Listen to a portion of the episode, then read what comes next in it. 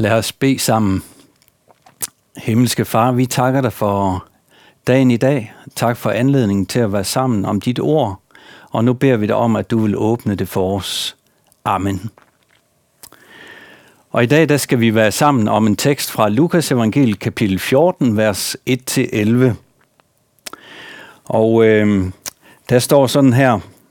En gang på en sabbat var Jesus kommet ind for at spise hos en af de ledende farisæere, og de sad og holdt øje med ham.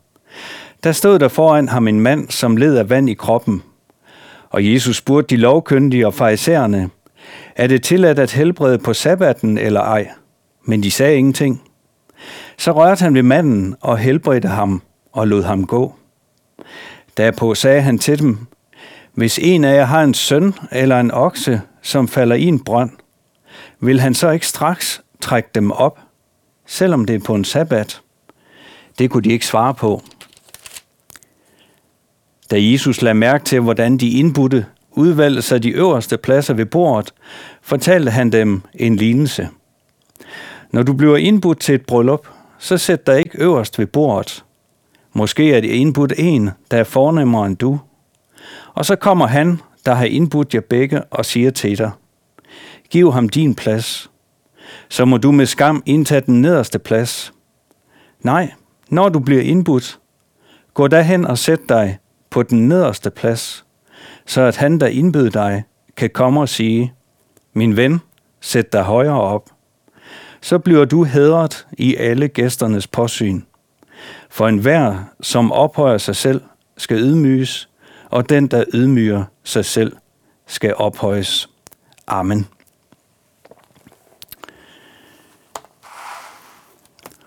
Jeg husker fra min øh, barndom, øh, jeg voksede op på en gård, og øh, jeg husker fra min barndom, at når vi har været til møde en hverdagsaften, så var det sådan cirka en time, og så var det af og til, at mor og far de havde inviteret nogen med hjem til kaffe bagefter sammen med prædikanten.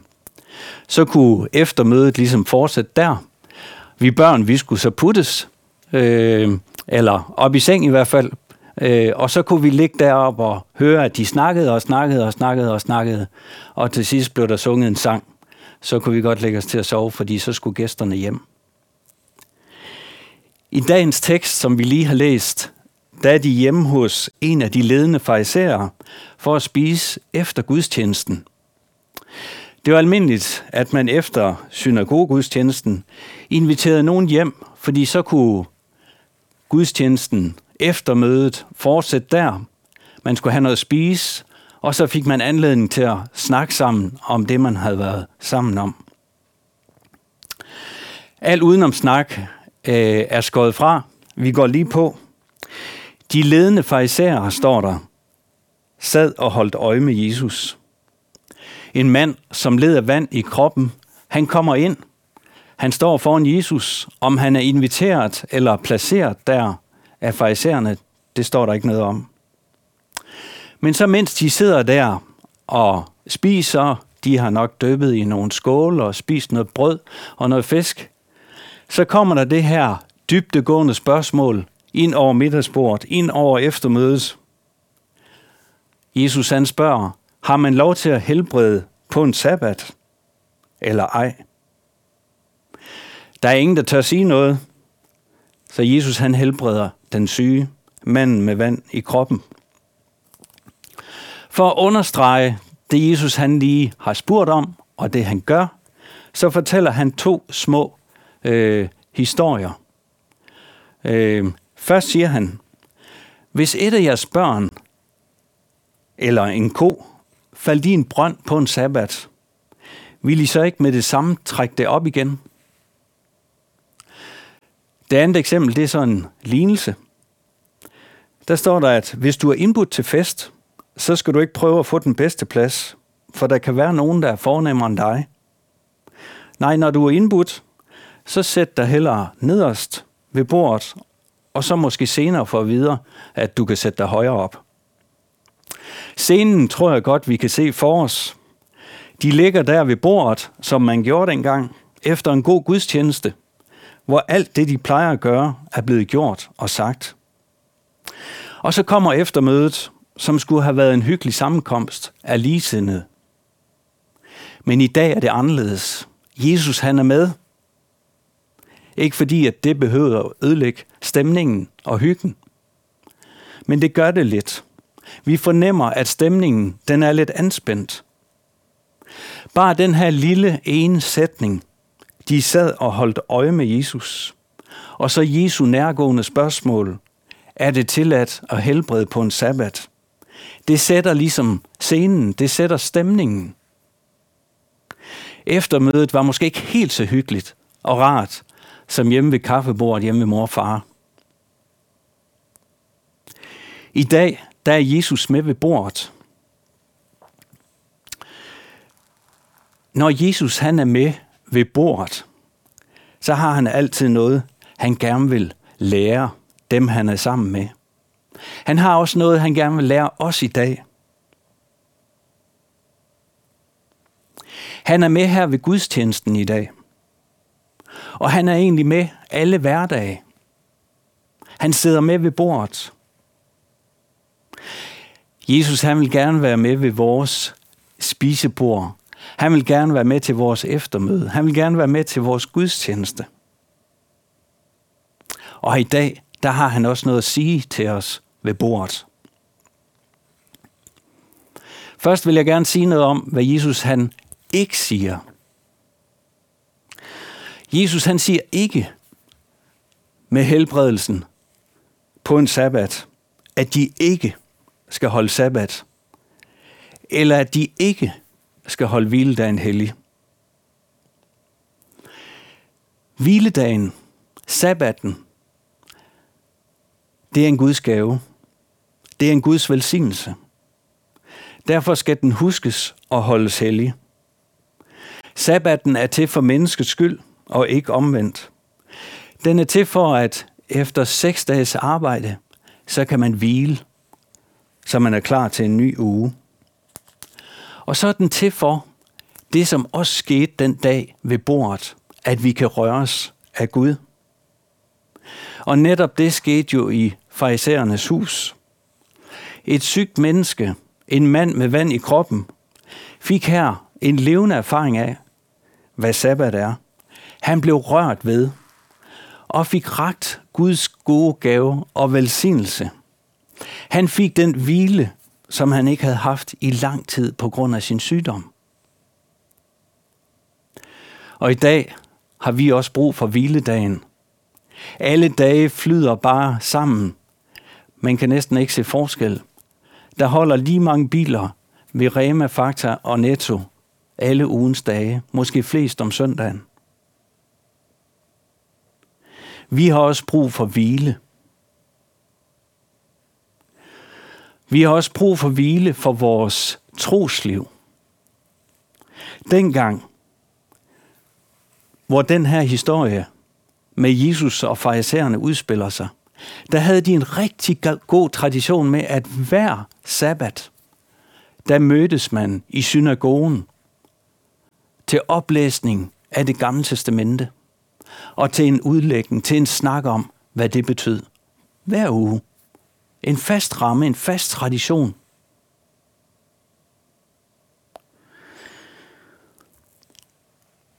Ugen begyndte med mødet i synagogen. Fordi det skulle man leve i, af i ugen, der kommer. Ugen bygges op om gudstjenesten. For det skulle de leve af i ugen, der kommer. Derfor er det også så vigtigt for os at være sammen i det kristne fællesskab, til gudstjeneste, til møde. For det vi får der, det skal vi leve af i ugen, der kommer. Guds tjeneste, det betyder Guds tjeneste for os. Det er denne tjenende og helbredende gerning, Gud vil udøve over for os. Og helligdagen den er til for, at vi hver især kan få ret Guds gode gave og velsignelse. Vi har brug for rammer for vores Guds liv. Troen har brug for næring, og det får den til Guds tjeneste. Nok om det med helligdagen øh, og sabbaten på den tid. Det andet, som jeg gerne vil, vi skal stands for, det er, hvor er tilhørendes fokus, og hvor er Jesu fokus? Tilhørende, i det her tilfælde, der er det nok primært fraisererne, de havde fokus på Guds vilje med deres liv. De var enormt optaget af, hvad der stod i det gamle testamente. De læste, de kunne meget af det udenad. De samtalede om det. De var optaget af at leve efter Guds vilje og tjene ham med deres liv.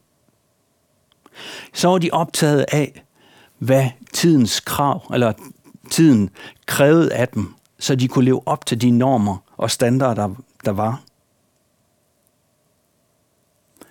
Og det var så meget, så det måske på en måde blev øh, en målstok for, om de var ret troende. De var virkelig optaget af at leve efter Guds vilje. Og så er det, Jesus han kommer med det her spørgsmål ind over bordet. Er det tilladt at helbrede på en sabbat? Jesus han kendte godt deres holdning, og derfor udfordrer han dem. Dels ved at gøre godt, helbrede på en sabbat, og ved at fortælle to små historier, som rammer lige ind i det, de sidder og tænker. Og jeg vil gerne bruge mest tid på det første, omkring det med øh, den første historie om brønden. Fordi det siger noget meget tydeligt om Jesus. Det siger noget om, hvem han er. Det siger noget om, hvad han vil. Også med os i dag. Han siger altså, hvis en af jer har en søn eller en okse, som falder i en brønd, vil han så ikke straks trække dem op, selvom det er sabbat? Svaret er indlysende. Ja, selvfølgelig. Jesus han siger jo underforstået, hvad han vil gøre. Hvis det var hans søn, hvis det var hans okse, ko, der var faldet i brønden, så ville han naturligvis hjælpe, selv på en sabbat. Hvad er det, Jesus han gør her? Det er godt nok sabbat. Man må ikke arbejde. Man må ikke gøre noget. Der var en masse regler for, hvad man måtte gøre på en sabbat. Men Jesus han flytter lige fokus. Og så ser han det hele med barmhjertighedens øjne. Der er to forskellige måder at agere på her. Der er den første. Farisæerne, de sad, får vi at vide, og holdt øje med Jesus. Og underforstået, hvad gør han nu? Hvad kan han nu finde på at gøre? Kan han finde på at helbrede på en sabbat? Så overtræder han jo sabbatsbuddet. Tænkte de. Når vi er sammen i det kristne fællesskab og ellers, så har vi også en tendens til at gøre det, for især de gjorde. Vi kigger på andre og holder øje med, om de nu også lever op til normen for det fællesskab, vi er en del af. Og vi gør det faktisk også på os selv. Vi kigger ind i os selv. Vi måler os op mod andre. Perfekthedskulturen lever i bedste velgående i vores miljø. Jeg hører af til sætningen, det du er ikke til, eller det er, der, det er der andre, der er meget bedre til end mig. Eller det har jeg ikke fortjent. Eller vi er jo ikke fejlfri. Hele tiden ligger det der bagved med at måle og veje og holde øje med, ligesom farisæerne gjorde. Vi holder øje med hinanden og med os selv. Når jeg hører det, at man tænker sådan, at man måler og vejer alting for at se, om man er god nok til at være her, til at være i vores miljø, så kan jeg godt forstå dem, der tænker og siger, hvis det er kristendom, så nej tak, for det kan jeg ikke leve op til.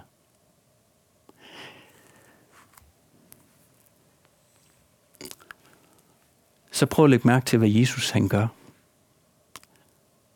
Det er helt anderledes. Jesu måde at holde øje. Han holder øje for at hjælpe. Jesu fokus drejer et helt andet sted hen og stiller dette simple, men helt afgørende spørgsmål. Et spørgsmål, som kan bruges i mange sammenhænge. Hvad der er rigtigt at gøre. Hvis en af jer har en søn eller en okse, som falder i en brønd, vil han så ikke straks trække dem op?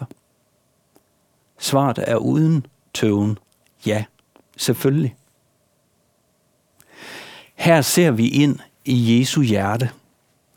Her ser vi, hvad det er, Jesus han er kommet for. Her ser vi, hvor Jesu fokus er. Her ser vi, hvad Jesus han vil gøre. Nu har vi jo ikke så mange brønde tilbage i Danmark. Øh, jo, der er nok af brønde, men de er ikke sådan dybe øh, og med vand i. Øh, så derfor det her billede med brønden, det kan måske godt være lidt svært at forestille sig. Men jeg vil prøve at udfordre dig på, eller invitere dig til at forestille dig det her billede med, at det er dit barn, der er blevet væk. Dit barn er faldet i et hul. Lad os bare sige, at det er en brønd, og kan ikke komme op. Det er væk. Der er ingen, der kan finde det. Det er blevet væk. Hvad gør man så? Vi har set eksempler på, at når en person er blevet væk, så bliver der lavet en, en besked og sendt ud i, i en hel bydel. Og så begynder folk at lede. Man smider alt, hvad man har i hænderne, og så leder man, og man søger, indtil man finder. Hvorfor? Det ligger så dybt i os, at vi skal jo redde det menneske, som er kommet væk. Det menneske, som er, er sunket ned i en brønd, som er blevet væk. Så derfor, når Jesus han siger, at når en okse eller en søn er faldet i en brønd, så vil man selvfølgelig hjælpe det op. Uden tvivl. Sådan er Jesus. Vi gør alt for at finde dem, der er blevet væk. Sådan er Jesus. Han vil gerne finde dig og mig. Han vil gerne hive os op af brønden. Og for at blive i det her billede med brønden, så står der nogle stærk vers i salme 40 om i det gamle testamente. Der siger salmisten, Jeg satte alt mit håb til Herren, og han bøjede sig ned til mig og hørte mit råb om hjælp. Forestil dig råbet ned fra brønden. Man råber og råber, der er ingen, der kan høre. Men Gud, han kan høre. Og så står der videre der i salme 40. Han trak mig op af undergangens grav, op af slam og døn. I Bibelen tales der ofte om Herrens arm. Øh, og om Herrens arm står der, Herrens arm er ikke for kort til at frelse. Hans ører ikke for døve til at høre. Uanset hvor dyb brønden er blevet i overført betydning for dig, uanset hvor dybt du er sunket, hvor længe du har været væk, så er Herrens arm ikke for kort til at frelse dig. Det er så vigtigt for Jesus at understrege, at selv på en sabbat og hviledag ønsker han at gøre godt mod dig. Jesus sidder ikke først og fremmest ved dit middagsbord for at holde øje med dig, og for at se, om du nu også lever op til alle krav og uskrevne etiketter og normer. Nej, han ønsker at røre ved dig og give dig den største gave, et menneske kan få. Frelsen, det evige liv. Jesus sidder ikke med ved bordet for at finde fem fejl, og dermed lade hammeren falde. Fejlene ser han nok.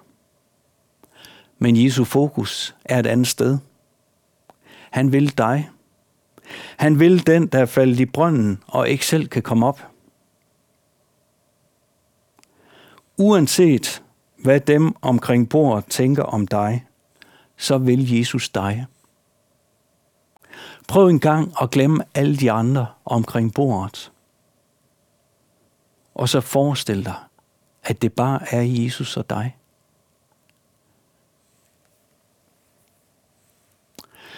Der er et øh, sted, eller et eksempel på det her i Bibelen, som er enormt stærk.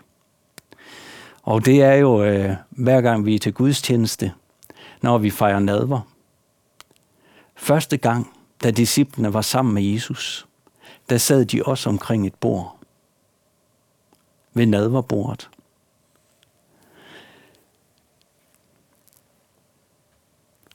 Der, på en synlig måde, der rakte han sig selv til dem, der var med ved bordet. For en af dem, der var med ved bordet, blev det en ydmygelse at være gennemskuet af Jesus, og at han måtte gå sin vej. Men for de andre, der var med ved bordet, der blev det et helt afgørende måltid, hvor Jesus gav dem sig selv. Han rakte hånden hen over bordet og rørte ved dem i form af brød og vin. Han gav dem sig selv. Det kan være rigtig ydmygende at være gennemskuet. Hvis man bliver afsløret i at have gjort noget forkert, det kan være ydmygende. Det kan være slemt. Men når det er Jesus, der gennemskuer, når det er Jesus, der afslører, så er det en befrielse. Fordi han gør det ikke for at, at dømme. Han gør det for at frelse. Når det er Jesus, der afslører, så er der ikke længere noget, jeg skal leve op til. Jeg behøver ikke at tænke på de andres blikke, at der er nogen, der sidder og holder øje med. Jesus, han kan godt tåle det, han ser. Han har taget sig af alle fejl og mangler, og ønsker at hive dig op af brønden, og ikke nok med det, ophøje dig til et liv sammen med ham i himlen, i evigheden. Jesus holder øje i jer. Han har omsorg for os. Han vil os. Han elsker os. Men han holder øje på den gode måde. Han holder øje for, at vi skal tilhøre ham, for at vi ikke skal komme væk fra ham. Det er Jesu fokus.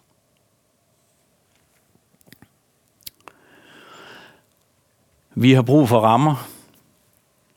Det havde farisæerne også. De havde brug for at vide, hvad man måtte og hvad man ikke måtte. Det har vi også.